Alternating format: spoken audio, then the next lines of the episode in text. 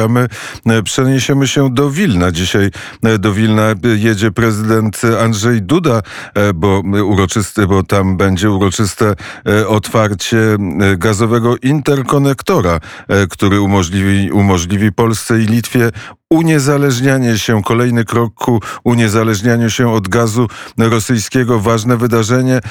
Też drugie ważne wydarzenie związane, związane z Litwą. Manewry na Litwie trwają 3000 żołnierzy będzie w tych manewrach, e, manewrach uczestniczyło. To wszystko się e, dzieje e, w pobliżu i niedaleko, niedaleko białoruskiej granicy. W Wilnie jest Olga Siemaszko. Dzień dobry, Olu. Dzień dobry. Szefowa redakcji wschodniej, która obserwuje wszystko i trzyma rękę na pulsie białoruskim, Mińska e, i nie wiem, czy puls ma e, Łukaszenko, być może ma, być może go nie ma, jak myślisz?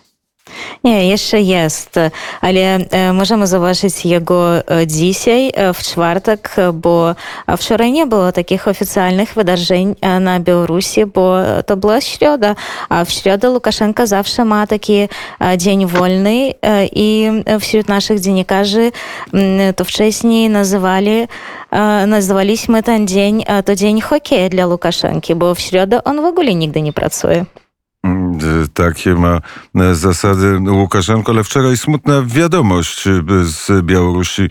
Zmarł Stanisław e, Szuszkiewicz, pierwszy białoruski prezydent, ten, ten, który podpisał akt bardzo ważny dla całego świata, czyli akt rozwiązania Związku Radzieckiego. To było w Puszczy Białowieskiej.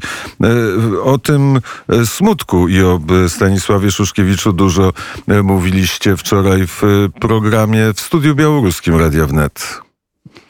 Tak, oczywiście. I już widzimy, że zmarł on z tego powodu koronawirusu koronawirusa, bo był wcześniej w szpitalu i potem już po szpitalu poczuł się lepiej, ale jego zdrowie było tak mocno naruszone. I Szuszkiewicz był przewodniczącym Rady Najwyższej Białorusi, która w 1991 roku podpisała układy białowieskie w sprawie rozpadu Związku Radzieckiego i po tym on powstał pierwszy pierwszym przywódcą niepodległej Białorusi. Pożegnanie z Stanisławem Szyszkiewiczem odbędzie się w Mińsku, to w Czerwonym Kościele, to w samym centrum białoruskiej stolicy. Zaczyna się 6 maja o 20 godzinie i potrwa do 7 maja do godziny 15. I powiem, że też w Wilnie można zrobić takie wpisy do księgi żalobnej. W domu białoruskim to można zrobić i w Warszawie, wiem, że taka księga żalobna jest w Młodzieżowym Hubu. Tu też można zrobić taki wpis z powodu śmierci Stanisława Szuszkiewicza. Mm, powiedz, jakie informacje płyną z, z Mińska, jakie informacje e, do ciebie dotarły i uważasz, że są ważne, by o nich opowiedzieć w poranku wnet 5 maja?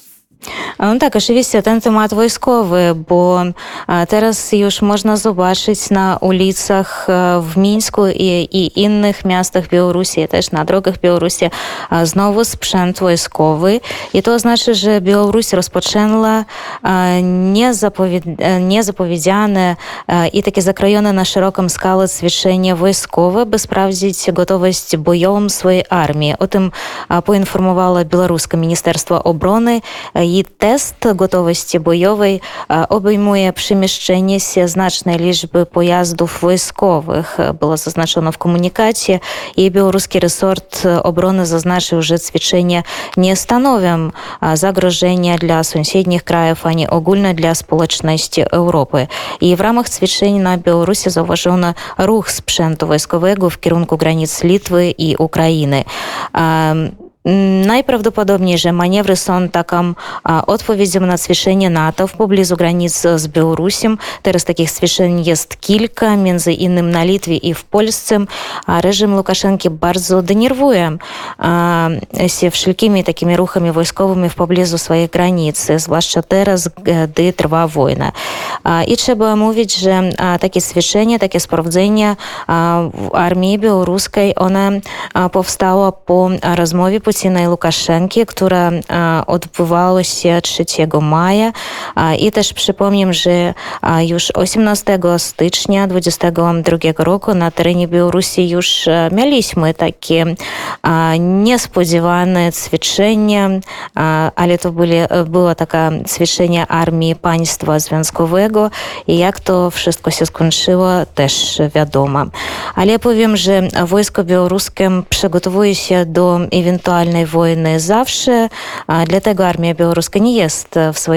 rozmieszczenia, a ciągle coś szkoli, a ma jakieś e, ćwiczenia, e, w, na przykład na, w końcu kwietnia a, to było e, wspólne szkolenie e, sztabowych sił powietrznych i obrony powietrznej Białorusi i Rosji.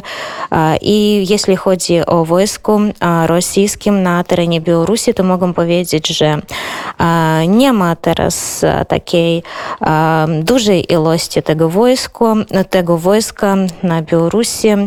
Można zobaczyć tylko kilku jednostek na południowym wschodzie Białorusi, przy granicy z Ukrainą i Rosją. I w ogóle nie są porównalne pod względem liczby personelu i sprzętu z tymi, które na przykład byli na Białorusi w lutym i marcu. Jest jeszcze ten sprzęt wojskowy na lotniskach w Białorusi, które zostali wykorzystane przez rosyjskie wojska, ale nie ma tam śmiglowców, a tylko ten, ten sprzęt obsługi na przykład. I i dla, dlatego e, powiem tak, że e, nie można teraz mówić o takim całkowitym wycofaniu wojska rosyjskiego z Białorusi, ale e, też nie mogę mówić o tym, że e, o tej obecności na e, dużej skali. E, Ola Siemaszko prosto z Wilna. Bardzo e, serdecznie dziękuję za korespondencję. Dziękuję również. Do usłyszenia.